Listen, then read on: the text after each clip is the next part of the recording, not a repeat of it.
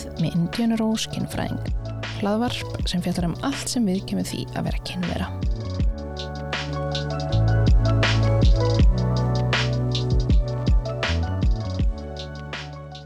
Góðan daginn, Andrea. Herði, þú ert komin hérna til mín að við ætlum að ræða svona barn eignaferli með aðstóð sæðiskjáfa.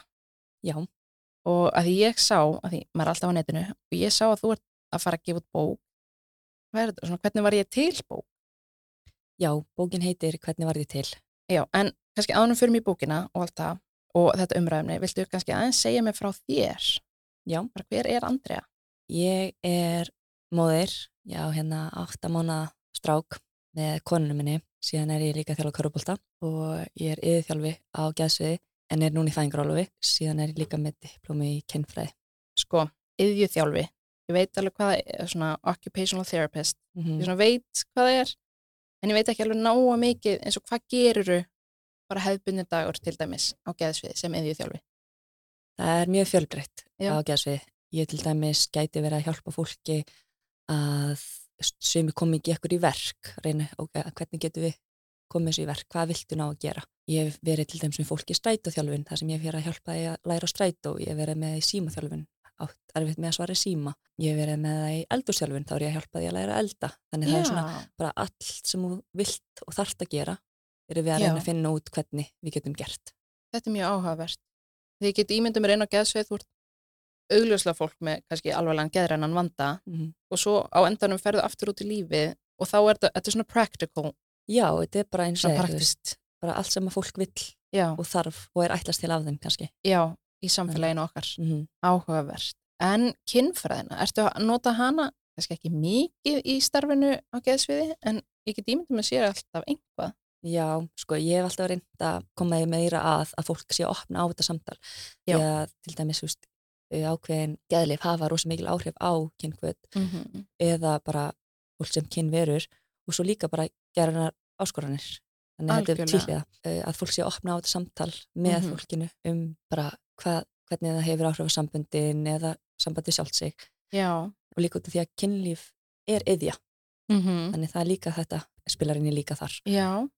Og ég get líka ímyndum mér svona, ef þú ert bara eitthvað að hjálpa fólki að nota strætó Mhm. og svara síma, en líka bara hvernig er deitlífið, hvernig fer Mhm. ég á deit, hvernig, eins og ég svara síma, bara hvernig tala ég við einhverja mannesku, Hva, hvað get ég sagt, hvað hérna, Einmitt, það er Já. nefnilega líka, þú veist, við erum líka með námskeið sem heitir PIRS, sem er þú svona félagsverðni námskeið, já, sem að þar er einmitt farið smá inn á hvern stefnumóta, hvernig er hægt að vera þessi samskipti á stefnumótum og svo framvegis. já, Þannig að það er alveg komið inn á það en það er kannski ekki, það fer svona eftir hvað fólk vil. já, Veist. algjörlega, ekkert eitthvað, núna ætla allir að opna Tinder Já. og þeir ætla að skrá ykkur, þið fallið í áfangunum ef þið er ekki komið með deit á fyrstæðin, nei, en að ég held að þessu margir, þetta getur verið mjög flókið fyrir, bara mjög mörg, að, að því að það eru svo margar óskrifaða reglur og Það er það sko. með þetta, líka bara eins og með strætó það eru margar óskrifaða reglur þar en Mhm. þá er þetta allavega kannski mikið í samskiptum við einhverja mannesku og það eru flóknari tilfinningar og svona Ef þú segir mig kannski aðeins frá bókinni að því að allavega núna þessi þáttur er tekinu upp í februar 2024 ef þið eru að hlusta einhvern mann setna þá ert þú með söpnun á Karolína Fönd Já, bara, neina segir mér svona aðeins meira frá bókinni annað en þetta sé, hérna, hvernig var, hvernig var ég til Sko, hugmyndin á bókinni kviknaði í gegnum ferlið á að eigna strákin okkar. Já.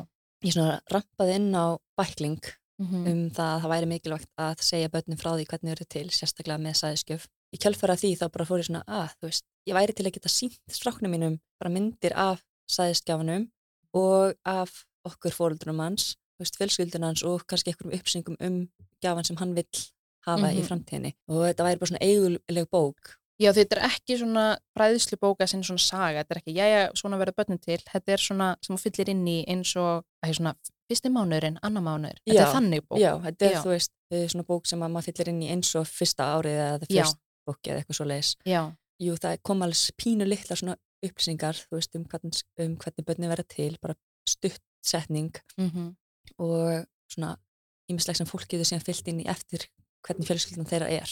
en þetta er fyrir bara hverju eina fjölskyldu og hvert og eitt bann þá Já, í rauninni. og getur verið aðlað að öllum börnum þótt þetta sé, sérstaklega fyrir börn sem eru til vegna sæðiskjafa Já, eða að gefa. og þá fyllir maður inn bara eins og ef þú var að fylla bara nafnið þitt, mynda þér, konuna þína, mynda henni sem bad og þá kannski sæðiskjáfanum, mynda honum að því fær maður ekki vanlega mynd af sæðiskjáfa sem. Jú, það er bara mismöndi hversu marga myndir maður, fólk fær, Já, oftast er þetta barnamyndir af gjafanum Já. og svo í bókinni er líka, þú veist, tala um hvernig börnin verða til, hvernig varð ég til, með hverju, þú veist, Já. var það með tæknisæðingu eða glasafrjókun eða yngri aðstóð, já, svo líka úr hverju var ég til, veist, ég var Akkurat. til úr sæðisfrumi frá eða eggfrumi frá og ég svo óks inn í. já, já, upp á ef að það er eins og tvær konur í samkynja sambandi, kannski eins og hjá þér, kannski Mhm. hefði ekki verið frá þér en í konunni þinni. Já, þá að maður þá- skrifa það upp þannig Já, í bókinni. þetta er mjög sniðugt. En af hverju er samt mikilvægt að segja barninu? Það er talað um að það er byggir heiðarlega og góð samskipti Já. í fjölskyldunni og segjum að fólk myndi ekki segja barninu svona frá því hvernig það var til og fattar það sína bara þegar hann úlingur eða fullorðin. Já, Það getur það mynda bara svona fjölskyldu erjur hvað er, hvað er að fela meira frá mér. já, akkurat. Kannski ef ég á 15 ára ungling þá sem var til með segjum sæði eða ekki, ég hef kannski svona ekki þurft að hafa ágjur af þessu, bara já, hann mun ekki komast að þessu, en núna það er bara hægt að fara í apotek og kaupa svona DNA-kit og Mhm. sendi bara út og það væri örgulega mjög mikið sjokk ef ég bara, ef ég var 15 ára unglingur og bara, heyrðu, ég ætla að prófa þetta ég er ókslega forvitin hver hérna hvernig geni mín eru, hvort að ég sé íslensk eða írsk, því það er líka oft verið að skoða það Mm. svo kemur ljós bara, vá, byrju, ég er geðvitt mikið dönsk svo er svona netbankar, þú getur fara að skoða frændfólk þitt og bara, uh, hvað frændfólk er þetta í Danmörku? Þetta er nefnilega, þú þótt að sér tala um að vilja gera það sem fyrst Já. og það sé best að þú veist reyna að bara svona æfa sig að segja, segja þetta við börni sín bara þegar þau eru lítil. Þau bara skilja ekki. Já. Já.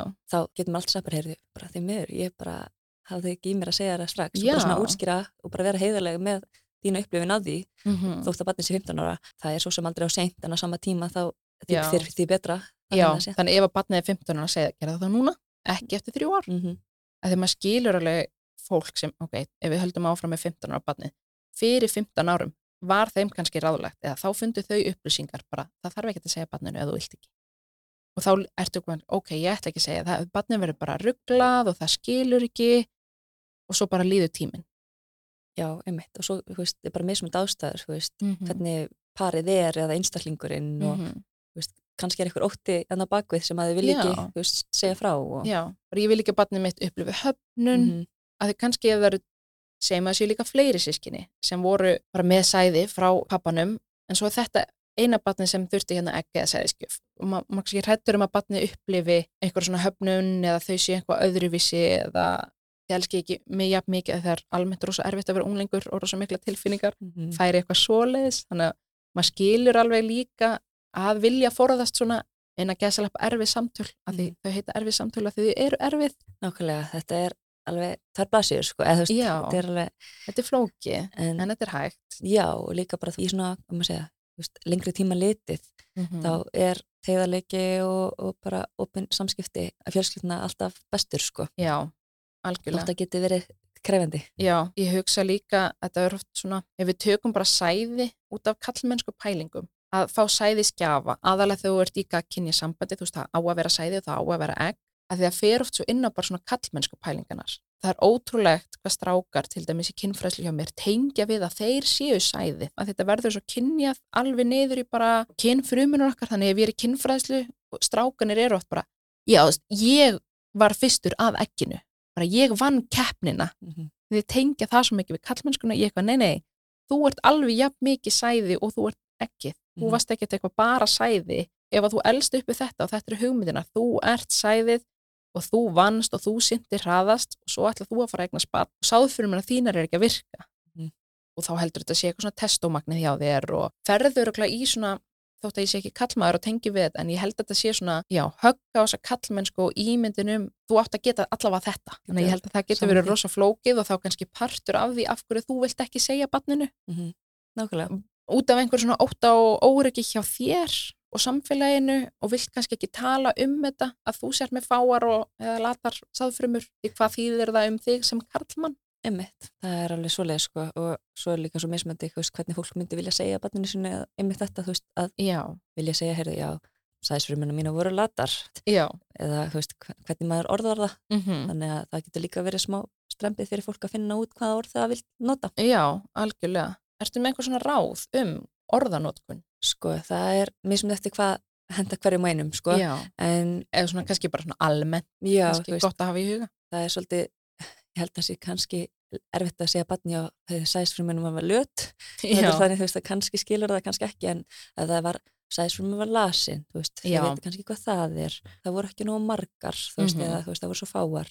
já, Um, ef það var egg, þá var, veist, þú voru slöpp. Þú- já, voru ekki að virka já, og fyrir auðvitað eftir þroskabatsins. já, algjörlega. Þú ert að tala um ungling, þá getur þú kannski sagt, herru, þær voru fáralatar Mhm. eða hérna búin í kynfræðslu og veit eitthvað um hvernig þetta á að virka Einmitt. og geta þá byggt á því en kannski með fjara ára batn, þá ertu að Mhm. nota önnur orð. Já, þannig að maður þarf bara svona að finna eftir hvar maður er í Já, þessu. og batninu. Já, og svo er það alltaf batnið, sko, það er eiginlega batnið sem kemur með spurningunar, þú veist, það spyr Já. og svo bara svara maður því Mhm. og svo bara spyrða aftur, maður þarf ekki að vera að mata það fullt að fullt af upplýsningum. byrjar kannski bara á við fengum sæði í gjöf því að fólk líka óttast svo mikið bara almennt með kynfræðslu bara, ég vil ekki tala um hvernig börnum verður til að því hvað ef þau fara að spurja nákvæmlega stellingu ég bara, við erum okkar hugmyndur um kynlíf og hvað við vitum um kynlíf vita þau ekki veist, þau eru ekkert endilega veitu, ok, var ég búin til heima, voruð í doggi eða, Mhm. eða þú veist, hvaða stellingu voruð í, fimm ára gammal bad, það var mjög skrítin spurning hjá fimm ára gammal badni, þau eru meira svona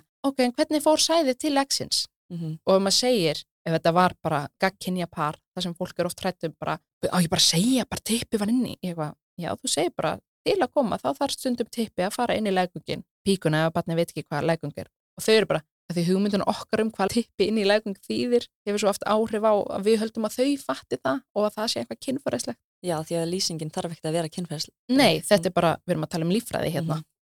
Það er bara ekkfrum að hitti sæðfrömu og, Já, og og, hvernig hittist þau?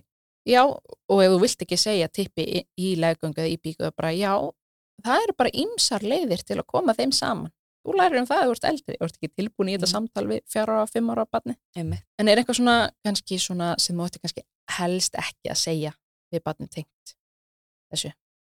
Uh, sérstaklega ef það, það er gafi Já. í spilinu að er mikilvægt að segja ekki við barni að það, við fengum lána sæðfrömmur eða við fengum lána ekkfrömmur Mm -hmm. því að þá getur barni fyrir að hugsa, ok, heyrðu, ég er láni, þau getur bara að skila með. Já, Og- hvað ef að hann vil fá mig tilbaka? Já, Já, en það er mikilvægt að tala ekki um að, veist, að þetta sé lánað. Já. Og líka ekki að, þú veist, það er notað gjafa kynfruma mm að, eða kynfrumur, að barni sé ekki einstakt. Barni er bara já. eðlilegt barn, Mm þú veist, þótt að fjölskyldan hafa fengið aðstóð gjafa. Algjörlega. Því ég held að fólk, það heyrir svona bara, oh my god, að segja, ég ætti ekki að segja láni, en ég sagði það við barnið mitt, að það er alltaf læg, maður bara, ef að barnið voruð það gamalt, þá, þú veist, og maður er aftur að tala um þetta, bara já, en þú veist, ég sagði þarna einu að við fengum í láni, eða það er barnið, barnið segir, já, ég, hérna, mamma fekk, sagði í láni, það er bara, já, sagði ég í láni? Nei, þetta var gjöf, að það er hægt að leiðrétta sig Einmitt. eða það bara já, láni, en já, þetta var meiri gjöf af því að ég mun aldrei skila þér þetta er ekki, hún veist ekki láni eins og þegar við fengum lána borvélina hjá Ava Mhm. þetta var ekki svoleiðis, við þurftum að skila henni en það er ekki svoleiðis hjá og þá er hægt að svona bara leiðrétta sig Einmitt. já, og þetta með sérstakt af því að auðvitað eru bönnum hans sérstök ég ba- sagt að barnið sitt sérstakt en það er ekki út af þessu Einmitt.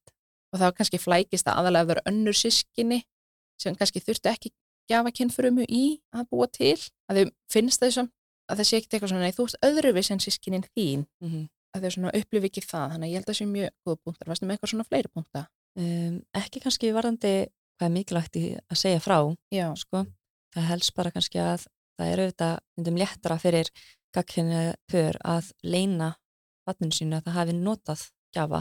Já, og eins og tölum um áðan, þú veist, það er hérna, þessi ótti og þessi eh, kallmennska sem kemur þar inn í. mm Það er líka, þú veist, fólk sem að kannski veikist og er kannski fær krabbamein eða eitthvað aðra sjúdóma sem að gera það verkum að fólk þarf að nýta sér gjafa. Þannig það er svo fjölbreytt, aðstæðunar hjá hverjum að einum Mhm. og, og hverjum fjölskyldu. já, og þá kemur auðvitað inn í þegar þú ert að útskýra, þú veist, Mhm. kannski er það bara já, að því að pappi var veikur þegar hann var lítið, að bara útskýra svona, já, pappi var veikur, þannig að við fengum gjöf. En svo varst að nefna áðan, ef maður æfi sig bara strax frá byrjun að tala um þetta sem möguleika, þá er þetta ekki að fara að koma bönnum með bara gett mikið sjokk. Ef, eins og ef þið myndi vera bara, nei, nei, nei, nei, svo fer hann að læra hvernig bönnum vera til og bara, mm, en ég á tvær mömmur, Mhm. uh, hvað er sæði þá og kennarinn var að fara eitthvað svona, já, þá hafði þau auðvitað fengið sæði, bara, Mhm. hvar? Hvar er, er einhver sæði spúð hérna rétt hjá eða, eins og núna, þú veist, ég er stundum að tala við strákin okkar og Já. ég er svona bara að segja, heyrðu, já, og þú tvær mömmur og stundum á fólk tvo pappa eða eitt pappa eða eina mömmu Já. það eru flesti sem eiga mömmu og eitt pappa Mhm. og veist, ég bara svona Já, bara, þótt hann sé áttamána og, og líka því bara fyrir þig að æfa þig að tala um þetta mhm, meðan þau skilja ekki neitt. einmitt. og bókin er líka að hugsa sem auka verkværi að sína, heyrðu, bara við erum að lesa Já. bóku, hérna er myndir af mömmu og hérna er myndir af Eh, hinni mömmuðinni og, og, og svo veist, Já, þetta er bara, það er fara, þetta þarf ekki að vera svona stórt samtal að þetta hefur bara alltaf verið partur af því. Mhm, Og það er eins og að því ég á fjara strák og hann var glasabad og þá hef ég alltaf svona, ef við erum eitthvað að tala um hvernig bönni vera til eins og að því ég á yngri barn og þegar ég var ólétt og svona, hvernig fór hann í magan? Setna barni var ekki glasa, Mhm. en þá segi ég bara, já, þú veist, mamma og peppi bjökun til, en stundu þarf læknir að hjálpa að búa bönnin til og þá fyrir mig til læknir svo hann hjálpar. mhm, Hann er ekkert eitthvað, hvernig hjálpar hann? hann bara svona, ok maður fyrir bara, já, mannstu þegar við fórum til læknis út af hérna að því þú dast og læknar geta hjálpa með alls konar og líka stundum á bótibötnin mhm. og svo er eins og þarna, þú veist, að bara minna kannski bæðin á líka, þú veist, ok, þú getur alltaf spurt mig aftur, þú veist, eða, veist því að það, þau bara segja bara já, svo bara er það gott já, bara, já, hann er ekkert að pæli hvernig læknin er að hjálpa eða Mhm. hvað meinaru? það geti komið setna Já, og þá kannski ef hann fær að spurja mm hvernig, þú veist, að því að núna fjagra ef er fimm, þá kannski komin aðeins meira þroski. -hmm. og þá fær ég kannski að segja já, í mömmu, þú veist, mamma á egg pappi á sæði og læknin hjálpa okkur með að setja það saman af því það býr til batnið og hann segir örgulega bara já í því. Hann er ekkert eitthvað, hvernig setur hann það saman? Og byrju hvað nákvæmlega getur þú sagt mér? Hérna, hva, hva, hvaða þátt átti læknirinn í þessu? Veist, hver sett þetta upp? Því að hann fattar ekkert endilega að þetta sé að fara upp í leg. En auðvitað er þátturinn í bóði Elko og ég mæli með að þið kynni ykkur 30 daga skilarétt hjá þeim sem þýðir að þau kaupið unastæki sem þið fýlir svo bara alls ekkert. Þá eru auðvitað hægt að fara að skila því og fá endurgreitt.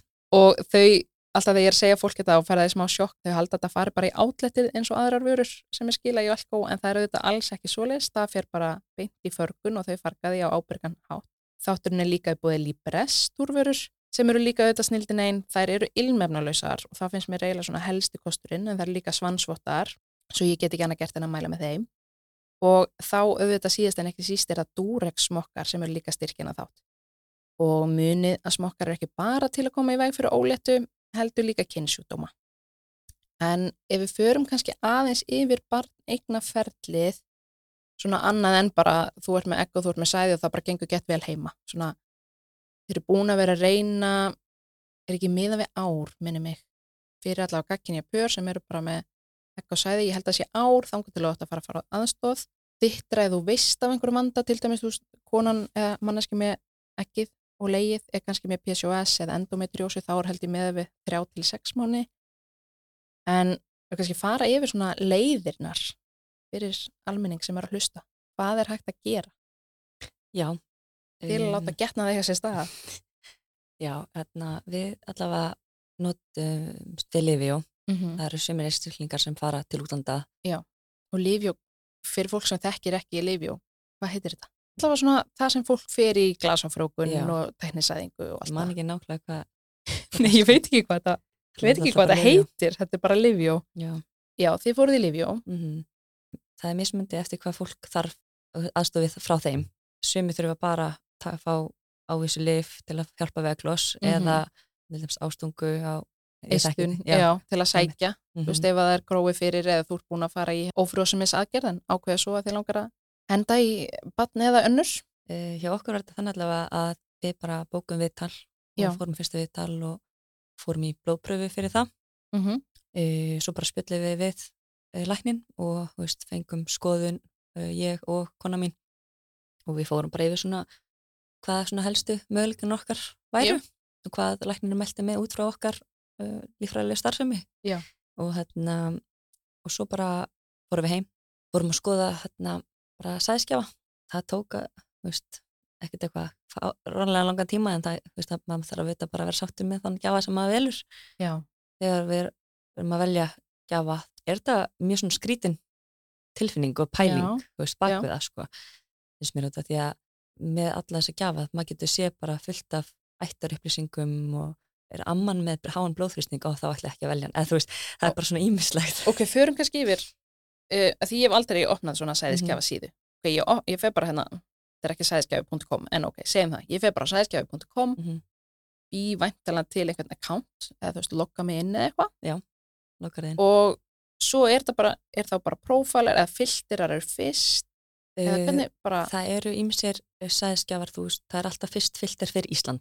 Já. Út af því að það eru bara x margir sem mega fá sama sæðisgjafan á Íslandi akkurat, og það er kannski samt ekki sama í einhverju öðru landi. já, Þannig það er alltaf fyrst Ísland. Og síðan er hægt að bara filtera eins mikið og lítið og vilt. já, ok, Þetta er alveg bara, þú getur gert hæð, þú getur gert auglit, hárlit, uh, ethnicity, ég veit ekki alveg, Eh, kynþátt, já, kynþátt. Og það er bara rosa mikið sem hægt er að velja, velja já, og sikta út úr. Já. Og síðan hérna svona helsta líka er að þú veist, fólk velur hvort að gjafinn sé rekenlegur eða ekki. svona opin eða lokaður. Já. Já. Um, Og hvað þýðir opin eða lokaður?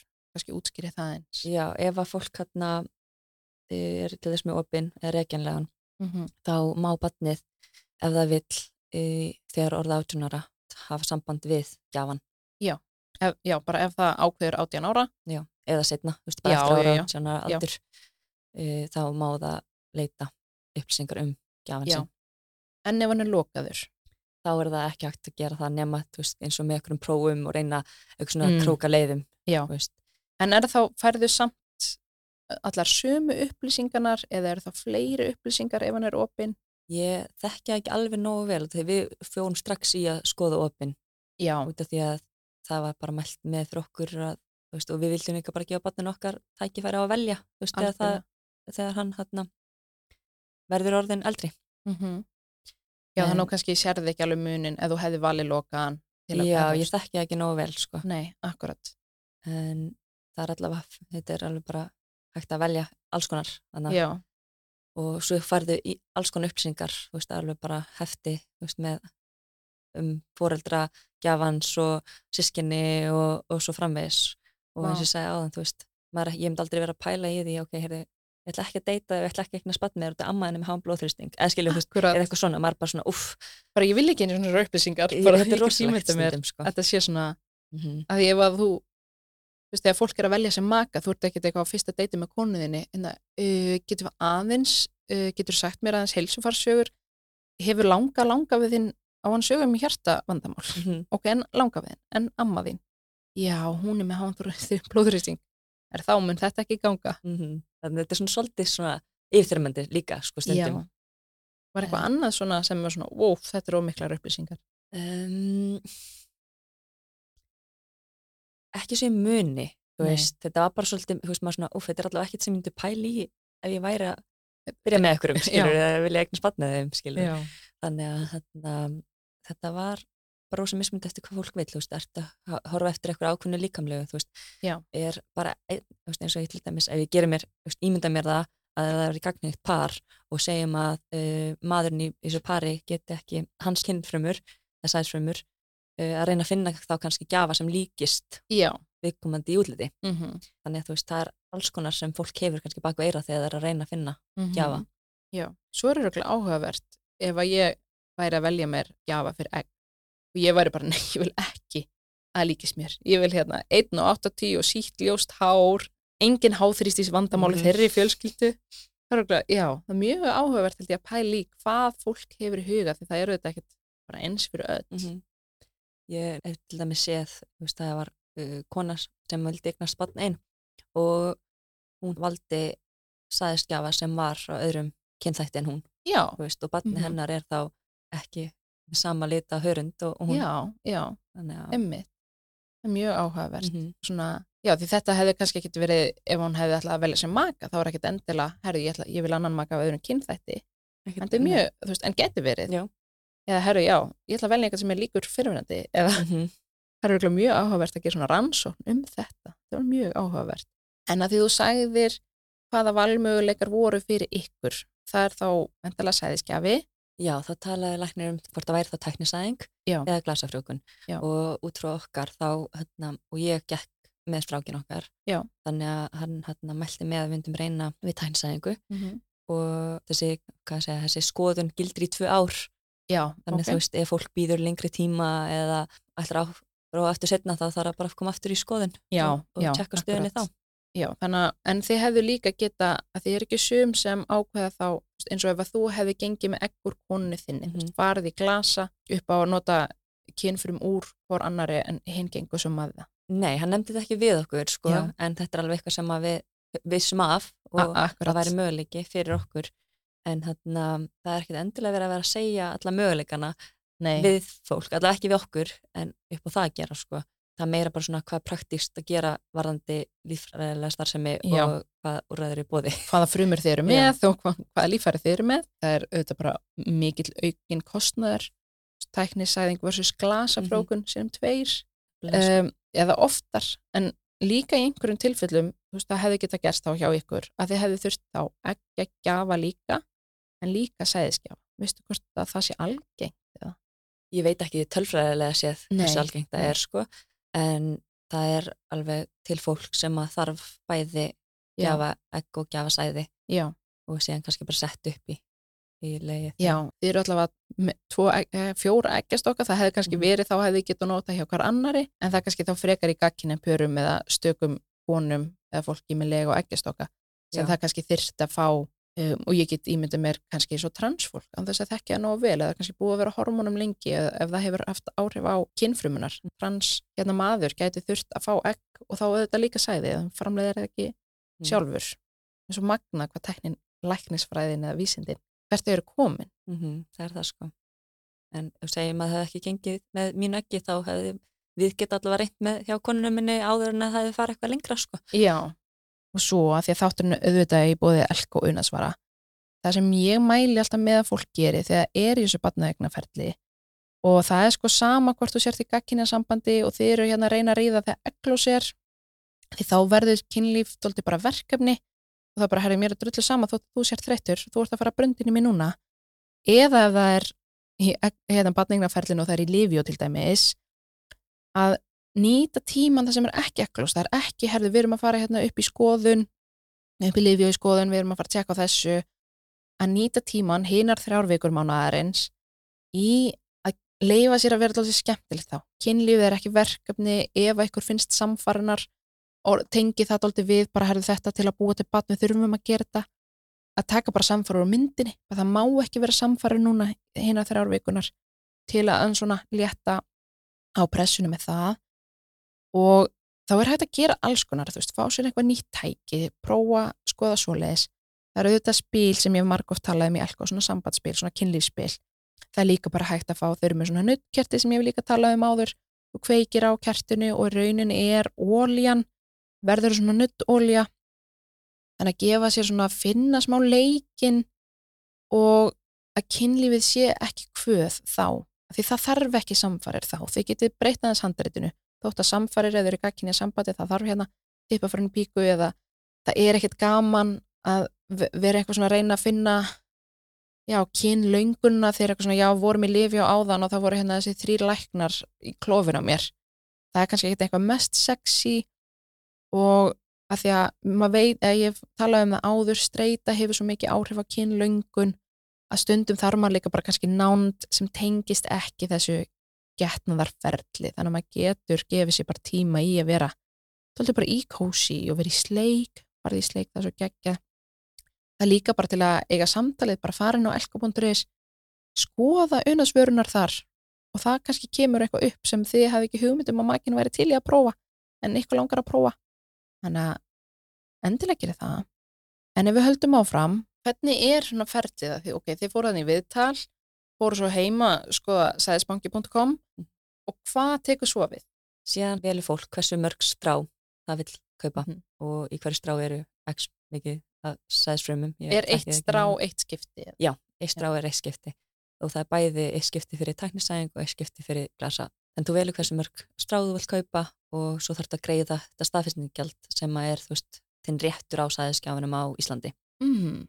Svo þar þurfum við að býða bara eftir að það komi til landsins og við fáum að vita hvernig það er komið uh, og svo eftir að það er komið þá gæti fólk bara veist, farið í næsta tíðarheng og reynd.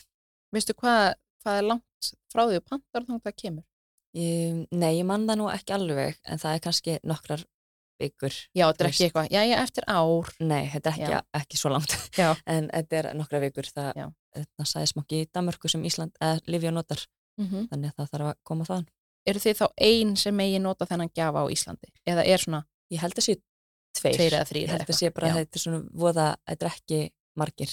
Já, Ég held akkurat. að, mér minnir það að sé tveir en það, ég gæti, ég man það ekki nákvæmlega til Já, að geta verið gæti alveg verið viss tveir, með það, þrýr, sko. en ekki, það er ekki 20. Nei, Íslandi er doldið lítið og það er Mhm. líka held ég mjög mikilvægt upp á að því vorum að tala um að segja barninu frá þessu að því að Íslandi er lítið mhm, og ef þú ert kannski með þú veist, gjafa, ég meina það gæti alveg verið að ef að þið eru með hérna, þetta gjafasæði einhvað annar par fær sá, samansæði þau enda saman í skóla.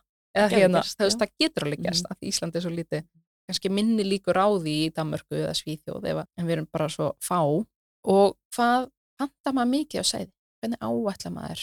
Það er mælt með, allavega við okkur var talað um svona 3-4 strá. Mm -hmm. en það fer rosa mikið eftir hvað fólk hefur tök á þetta kostar, hver strá kostar sitt þannig að, og svo er bara mismundi stundum kaupi fólk ekki smör strá og hefur síðan tök að kaupa aftur setna ef að það er ennþá til að lager hjá angunum, En veistu hvernig það er ef að það er ekki til lagar? þá er, þarf annarkvort að Er velja- hægt að hafa samband við gjafan? Nei, það er þau já, sjálfsvörpunarrétt hans? þau hafa ekki samband við gjafan. Já. nefnum hann ákveða sjálfur að koma og Já, gefa meira. Stundum lætur viðkomandi vita bara heyrðu ég er hættur. Eða ég Já, ekki að koma já. aftur Já, þannig það er, veist, maður veit það er. ekkert sjálfur, þú veist, Nei. og bankin lætur mann ekkert vita og þau hafa ekki samband. Nei. Þannig að þá þarf annarkvort fólk að reyna að nýta best þau strá sem þau eiga eða velja nýjan gjafa eða þannig það er bara upp á hvað fólk vil gera. Er eitthvað svona limit hvað, þú veist, ef að ég myndi vilja panta 20 strá, því þetta er bara gett mikið pening. Gæti ég gert það eða er svona, herri, það er bara til 10? Sko það er bara, fyrir eftir hver mörg strá í bóði á síðunu hverju sinni. Mm -hmm. Þannig þú veist, ef þú ferð inn á síðuna á morgun og það væri 20 strá, þá getur þú kæftu öll. Já. Ef það væri í bóði. En síðan, ef þú ferð eftir viku og það væri bara 5, þá getur þú bara kæft 5. Já. Veist, þannig að það fer svona eftir stöðinni þá. Voru þið eitthvað pæli í þessu þegar þið voru að ákveða að gjafa? Já, við pældum alveg eitthvað en svo, þú veist, voru allt svona, já, herri, við getum þá, já, við pældum alveg eitthvað í því, sko, Mm -hmm. en kannski mismundi eftir hvað fólk Já. pæli mikið í því, maður svona, allavega þegar við byrjum á þessu, þá gerðum við okkur ekki grein fyrir því að, að sæðskjafin gæti hægt bara á morgun, Já. þannig að það var svona ýmislegt sem að getur, getur flækt stöðuna ef fólk hugsaði ekki 20 ári fram í tíman á meðan það er að panta, Já. en svo er líka, þú veist, fólk hefur þannig til efnaði að kaupa 20 strá, veist. einmitt, ef maður ætti efna á því, þá myndi maður kannski gera það, þegar maður hefur ekkert betra peningar að gera. Ef að þið vilja egna svo annar bad með sama gjafa, þá þarf maður kannski að pæla, herðu, kaupum átta, Mhm. og hérna, býðum aðeins með að kaupa til að sapna okkur til að geta eftir átta eða hvað það er. Þannig að Þú veist ekki hversu mörg stráð það tekur til þess að já, þið kannski tekur sex til að búa til þetta, þá er þetta svona, um, Já. ok, já, tvö eftir fyrir ef, við ætlum í annað Mhm. setna. En hvað er þetta kost? sko, sko fjögur strá hjá okkur pluss Já, var í kringum half miljón pluss mínus sko Já. og svo er hver uppsetning um 80.000 það tók tvær hjá okkur þannig að þú veist þetta er alltaf að nálgast þessa miljón sko já. í hildina út af því að það svo er geinslugjald og, og fleira sem spilar inn í Mm Ég var hérna að opna verðskrána í Mhm. rauninni bara hjá Livjó. Hérna, emitt 85.000, náttúrulega tíðringa með bara örfa. 220.000, bara tæknisæðing með, ef þú ert að stýra honum með hormón og sprautum. Já, þetta er doldið fristingsæðis 85.000, geimstugjald hvert ár 42.000, gjafa sæði frá tengdum gjafa, þannig að það er einhver sem þú þekkir, af því það er alveg valmöguleiki sem fólk kýsa nota. Það eru 140, umsýslugjald við innflutning 42.000, þannig að þetta er alveg, ég held að þetta sé mjög fljótt að safna saman sko. að því líka bara læknisheimsóknin 22.000, þetta er mikið. Mm -hmm. mjög ósangjant, að því þið ákveðu að vera lessur, akkur ákveðu það? Hérna, að hafa ekki þess að tvær frum það er bara miljón mhm, og ég held að nó, margir viti almennt hvað er dýrt að egna spatt bara hlutin, bara það er að kaupa barnarum og hérna bleiur og allt það. Einmitt, þið byrjið í miljón í mínus. Mm þetta er alveg slatti sko og líka Mhm. bara, þú veist, það er sumir sem kannski þurfa að fara með gjafasæði og í glasa, þú veist, þá er það ennþá dýrara en Mhm. kannski við það að fara í glasa þá gætur við mögulega að fengi fleiri en eitt fóstuvísi Já, gætur við mögulega að fengi fleiri en eitt batn út úr eins og glasa meðferð já, akkurat. en það er ekkit víst. Nei, eins og hjá okkur þá fengum við eitt fram á fymta dag að, að fólk kannski átt að segja ekki á því, þú veist, ég fór í glasa og það var svona náðu fullt af eggjum en svo bara frjókast ákveðin mörg og svo reynaði að býða fram á annarkvært þryggja eða fimm daga fósturvísi, veist, það er búin að fjölga sér í fimm daga, þá voru hann settur upp og þá var bara einn eftir og ef það, það ekki gengi þá, og ef hefði við verið með gjafasæði, þá hefði við þurft að fara einmitt, annað strá, önnur glasafrjókun sem kostar óksla mikið. En það er auðvitað, held ég, einhver niðurgræsla núna. Já, sjúkratrynga niðurgræða fyrstu fjóra meðferðina að hluta hluti sjúklings fyrir fyrstu meðferð er 566.000 og meðferð 24 278.000 Mhm. það er bara ógeðslega mikill peningur. Það er það sko. Þetta er alveg, það er alveg fólk getur alveg upplegað pressu á þetta gangi já, og hvað þá þegar svona mikið fjármunir hann á bakvið mm -hmm. og og þetta tekur nóga mikið á andlega, bara allt þetta ferli og hvað þá einmitt ok, við náðum að sapna upp í halva miljón og fara hérna eða 600.000 eða eitthvað, því þetta er ekki með livjónum, það bætist svo ón á Mhm. lifin sem þú þarfst að kaupa. Og svo ok, hefnast ekki og þú fækst ekki, eins og við fengum ekki til fristi. Mm. bara já, við þurfum þá að fara aftur í þetta. Það er kannski ekki bara fyrir en eftir ár þetta fólk þarf kannski að sapna fyrir því Safna, eða veist, það er ekkert allir sem hafa þetta í vasunum sko. já, bara eitthvað, já, já hinn miljónin mín Mhm. ég skal bara sækja hana og maður hefur oft séð fólk er bara í alvörinni að veist, sapna á Facebook eða hérna eins og hún sem var í viðtali hjá mér um daginn um endometriósu Mhm. og þau gifti sig og þau báðu bara um pening fyrir glasa í Einmitt. brúköpskjöf það er fokkin mikið svindl akkur má ég ekki bara fá pakka eins og aðrir Mhm. en auðvitað geðvig gjöf, þú veist, þau fengu tvíbura Mhm. bara besta brúköpskjöf sem þú getur gefið einhverjum en, samt þetta og svo kannski hefði ekki gengið hjá þeim og þá bara, jæja, hvað gerum við núna til að safna miljón? Þetta verður bara niðurgreitt þetta eru verða svo börn sem borga Sammála skatta setna meira, þannig að Mhm. þau borga sér tilbaka en var eitthvað svona sem kom ykkur óvænt í svona öllu þessu ferli mm. ekkert eitthvað sérstakt sko þú veist, það var helst bara svona alltaf eitthvað kostnar að bætast við maður svona viss alveg af þessu en það er alltaf, já, að þessi er reikningur, að þessi er reikningur. Þannig það var svona veist, við vorum samt alveg búin að búast við því en það var samt alltaf svona, ú, já 60 skall hér, Mhm. 80 skall þar. Veitu hvað kostaði aftur uh, eitt strá? Uh, ég man ekki hvað eitt strá var en heldin hjá okkur var cirka hálf miljón pluss, aðeins pluss og hefði ekki, þú veist, hefði verið með hérna, þú þú hefði verið með sæði eða konaðinn, þá hefði þetta samt verið hálf miljón, mm að þetta er svona í heildina miljón. En hv- hvað voruð þið búin að kynna ykkur um þetta ferli? Var það bara, þið voru búin að lesa eitthvað svona vissuði rosa mikið eða vissuði lítið, voruð þið búin að bara tala við aðrar samkynja konur eða pör? ég svona við vissum alveg eitthvað um þetta Mm þú veist, ég veit ekki alveg, ég bara hef áhuga á því yfir höfu, þannig að Já, og svo bara skoðum maður á, á síðunni og netinu og, og svona líka sko spjallar, já, en já, þannig að já, þú varst kannski búin að kynna þetta svona þannig það ágætlega að það var ekkert og líka kannski með kynfræðina mm uh, hefur yfir höfuð áhuga á þessu. En svo að því við erum að tala um barneignaferli og þetta að fæða barn og við veit ekki allir að því en eftir að maður fæða barn þá er oft lung og ströng útferð í nokkra það er svona, já, maður er bara túr í 5-6 vikur. Og það sem ég fannst svo geggja þegar var ekki að blæða alveg mest og maður var hættu með höfst bleiuna.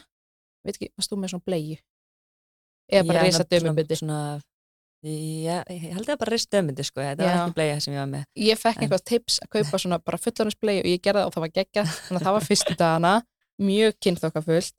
En svo var ég alltaf bara í svona e, turnærubuxum einmitt frá Libress og mér fannst það svo þægilegt að geta alltaf bara þvegið það en það sem ég finnst líka svo geggja við dömubindin og innleggin þegar var svona farða minkablæðingin og svona inn á milli þess að ég notaði hérna, Libress turnærbuxunar að e, Libress förnar eru alveg ilmefnalusar því ég þól ekki þessu svona lykt, svona túrvöru lykt og kannast kannski við að þið farið í matvöru veslun og maður lappar fram hjá túrvörunum og með svona, já þannig er túrvöru lykt að því að mér finnst það oft svona þegar túrin fer svo actually í þær túrvöru sem eru með lykt þá kemur svona vondlikt og fólk er eitthvað, já það er bara vondlikt að túr, maður er eitthvað, nei hvaða vörur ert að nota notaði einhverjar aðrar vörur og það eru líka svansvottar og maður er svona alltaf að reyna að pæli umhverfinu og skilja betur eftir sig en þið voruð þetta tvær mæður í þessu batnæðingafalli var eitthvað svona hvað er upplifun ykkar á svona kerfinu? Um, hún var svona heilt yfir bara fín.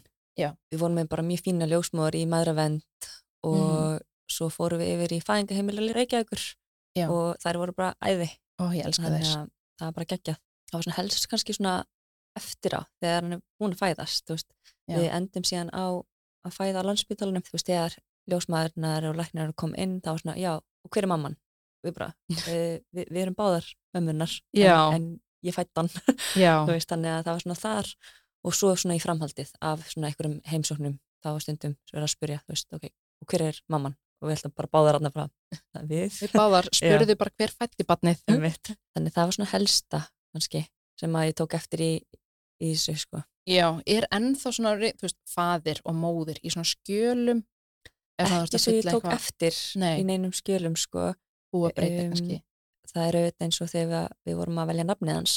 Uh, við getum ekki haft bæði nöfnin okkar sem kenninunöfn sem að mér finnst þarna freka leðilegt Þannig mætti ekki vera Andru Ingi Björgadóttir Nei, þannig strákun okkar heitir Blær Andru Ingibergason en í kerfinu er Andru skráð sem millinafn, ekki kennina Já, eins og bönni mín, veist, það er ég og batsfæði minn. Mm -hmm. þannig að ég hefði geta verið, eða batnið hefði geta verið, þú veist, Indínu Kristoffersson Mhm. og ekki sem millina, bara sem kennar Nei, það er bara ekki hægt að hafa tvö kenninöfn Ó, almennt, almennt, þótt að sé konu og kall já.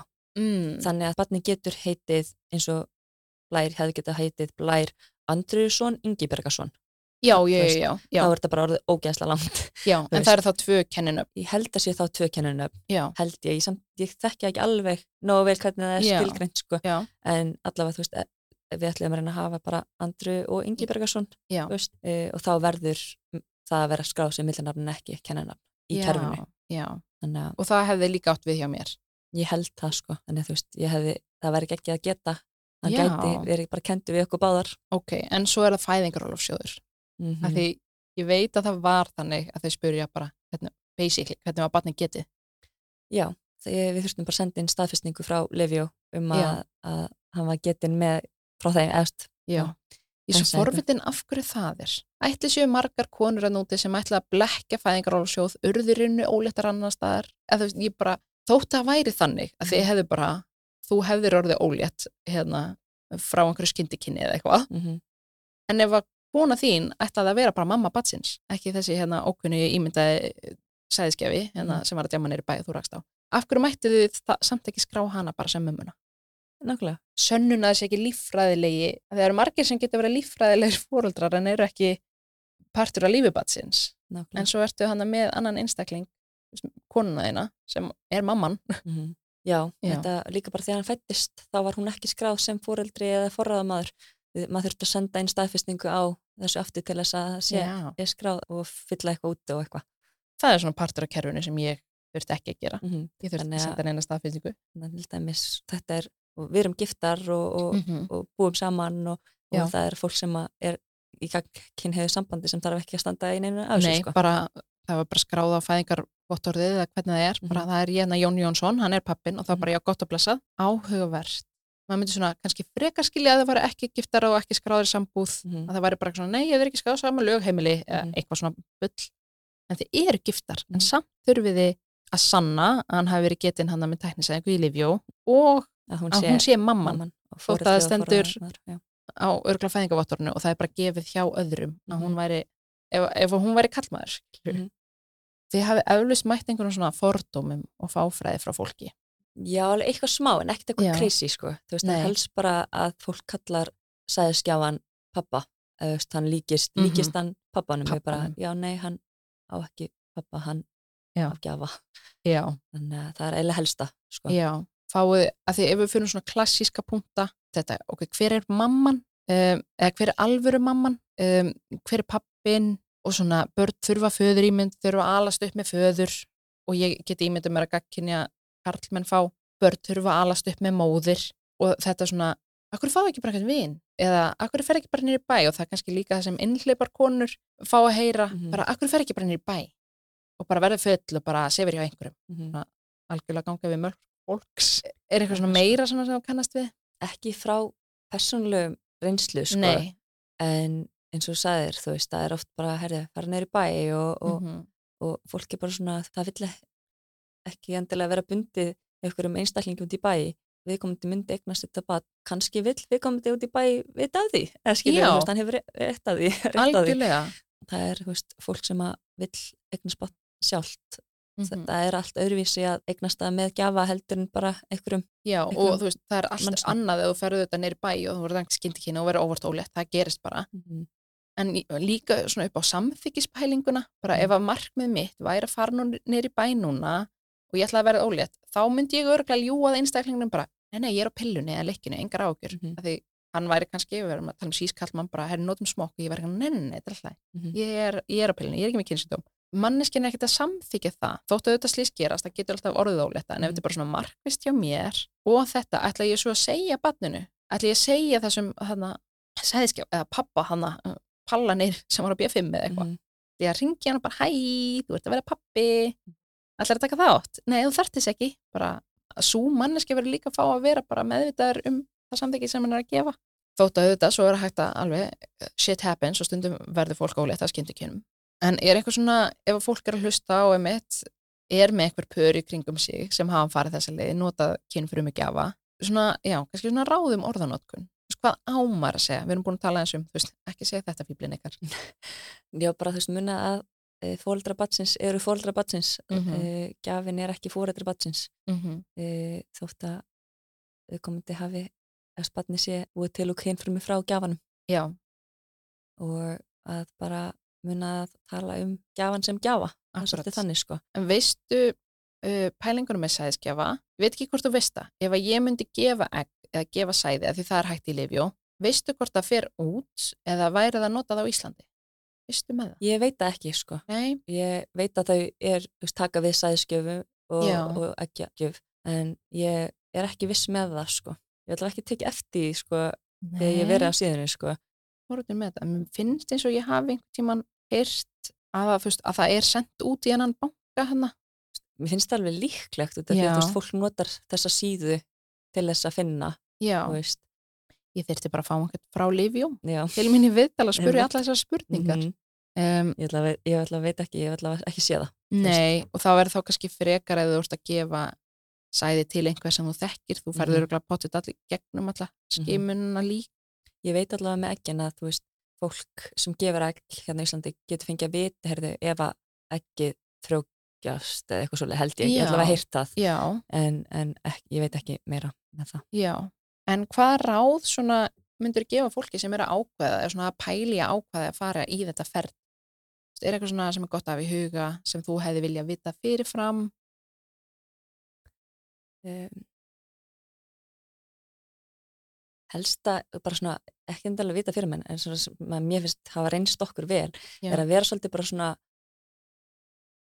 um, líp og með þetta orðað þannig, þú veist, Mhm. út af því að þú veist, ef maður er búin að svona, festa sig á eitthvað þetta verður að vera svona, verður að vera þetta þú veist, og ég er bara svona, ok, ef þessi tæknisæðing virkar ekki, þá bara getur við skoða hvað næsta möguleik, skilur, þannig það hefur hjálpað mér að vera bara svona að það bara við finnum eitthvað, einhvern veginn út úr Já, og líka bara ef þessi gafi virkar ekki mm Mhm. að því ég meina, maður veit alveg að fólk sumir bara passa ekki saman. Og Mhm. það getur bara verið þannig þessi gafi bara passar ekki við ykkar frumur. Einmitt. það bara virkar ekki, það bara Já, it is what it is. Það var svona helsta sem ég finnst, finnst vera ekki of bara, herri, ég verð að hafa þetta svona.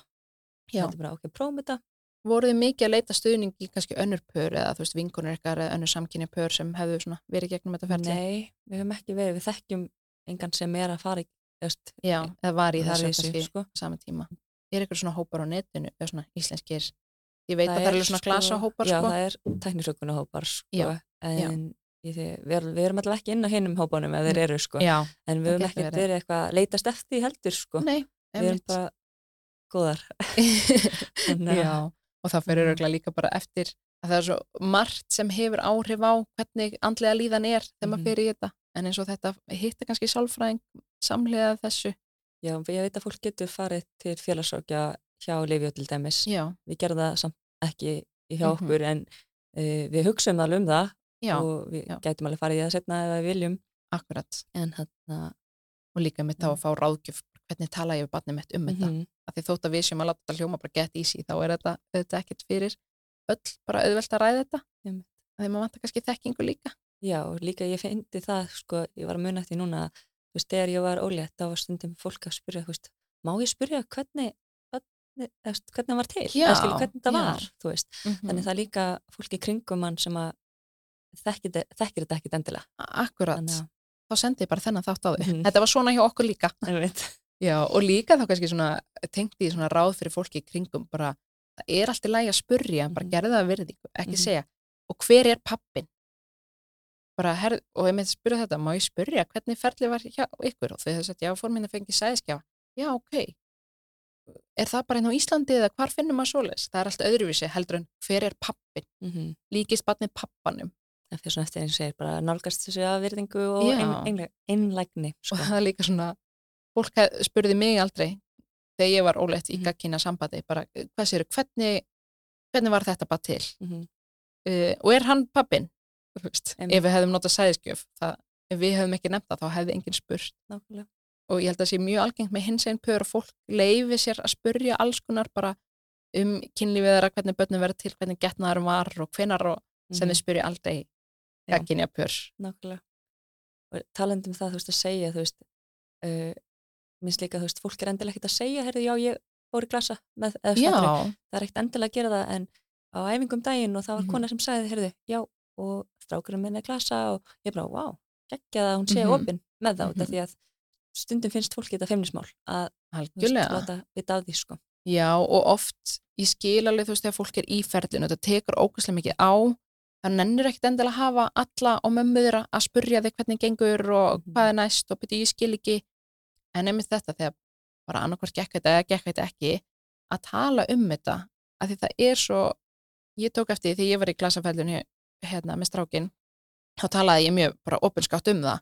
Og þá fekk ég skilabóð frá alls konar fólki sem bara ég hef aldrei sagt neinum þetta, eða við erum í þessu núna ég get ekki eins og sagt fóldra mínum eða bestu vinkunum um, og svo líka oft þegar maður talar um þetta og kannski fólk ekki í þessu ferli. Bara herði, ég er búin að vera að reyna í tvö ár heima. Á ég að vera að fara að reyna? Maður, Mhm. já, já, elskar mín, fyrir ári. Mm -hmm. það er hægt að fá aðstof, maður þarf ekki að vera um, og líka þetta að fara í bara skoðun, fara kannski upp í lifi og, og sem er gagkinja pörin, fara að láta tekka á sæðinu, Mhm. bara, ég myndi helst segja bara um leið og leið og allar að fara að byrja eignaspatt, fara að láta tekka á sæðinu því það er svo auðvelt tekk um, ekki mikið ingrepp, þú þarf bara að brunda í glas. En já, að tala um þetta það er svona að því að maður oft kannski upplifir sér einan í þessu ferli. Já, og svo líka, þú veist, auðvitað fer líka bara eftir hvað fólk er tilbúið að segja, kannski er fólk tilbúið að segja þetta eftir á eða á meðan Mhm. eða, og það fer líka bara eft- eftir hvernig gengur, já, og að- já, að því að fólk er að- með svona eitt í þessu, að því það tala enginn um þetta þá Mhm. ætla þau ekki að tala um þetta Mhm. að því þá er eitthvað að mér, en svo kannski talaði um þetta, þá er bara fullt af fólki kringu og bara, já, ég fór nú í glasa eða Mhm. þækni segja guð eða fengum sætt gjafa eða kynfrumi gjafa og líka bara normalisera það fyrir börnin manns eins og með þessari bók að því ef þau þurfa svo sæðisgjafa eða kynfrumi gjafa setna, þá er það bara auðvitað, Mhm. þetta er bara eðlilegast í heimi Mér finnst líka sko bara um veist, að segja frá og svona, þú veist, það er allir svo forvittnir um hvernig, hverjum þið líkast, já, þú veist, já. það er allir að þú ert svo lík þessum eða þú ert svo lík þessum eða Mhm. "Ó, er ég lík þessum, þú veist, fólk pælir svo sjálft, þú veist, já, þannig að e, eins og með bókina að barni getur þá skoðað myndir af fóröldum sínum Mhm. og, og þá líka gjafa ef það er gjafi já, og bara, þú veist, séð bara, ok, mér finnst ég líkur þessum eða mér finnst þetta Mhm. eða- og svona pælt í þessu.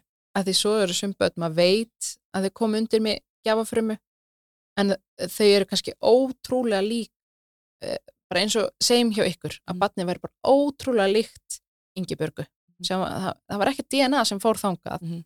en að því félagsmótun hefur svo mikil áhrif að það kannski bara talar nákvæmlega eins og bara svipriðin eru nákvæmlega eins og maður bara herði hvaðan kemur þetta? Veist, og þú kannski myndir upplefa að ég á ekki neitt í þessu barni að því alveg, hann er alveg eins og Ingibjörg. Mm og þá er líka hægt að skoða þetta bara. Já ég er alveg, og mamma ég veit ekki hvað ég segi, mamma eða mamma Ingi Mhm. Björg bara ég er alveg og hún. En ég veit að ég fekk ekki DNA frá henni. -hmm. þannig að það er líka svo gaman að skoða það, mm -hmm. pæli í því. Það það sko. en ég hef ekki bara kallað þetta gott? Jú, ég held það Um, bara bókin er allavega á Karolínafönd núna, ef fólk er að hlusta á þetta núna februar 2024 um, ég mæli með að kynna eitthvað það. Hún heitir, ég, kannski, ég set hana bara í, með þættunum og svo þegar hún er komin út þá breyti ég leknum, þannig þið getur fundið þessa bók. En það er líka hægt að finna á Facebook, þú ert með Facebook síðu. Já, það er page fyrir hérna, mm Mhm. bókina. Þannig að Já. hún er hérna, How er- I made og How- hvernig var ég til? Já, þú ætlar að gefa hana á ennsku líka. Já, þannig hún verður á ennsku og íslensku þannig hún mun geta hendað fleiri en bara íslensku mælandi. Það er mjög mikil snild ég þarf að fara að láta samstarfsfólk kollega mína erlendis vita Mhm. þessu. Já. en já, þá segi ég bara takk fyrir komuna. Takk sem leiðis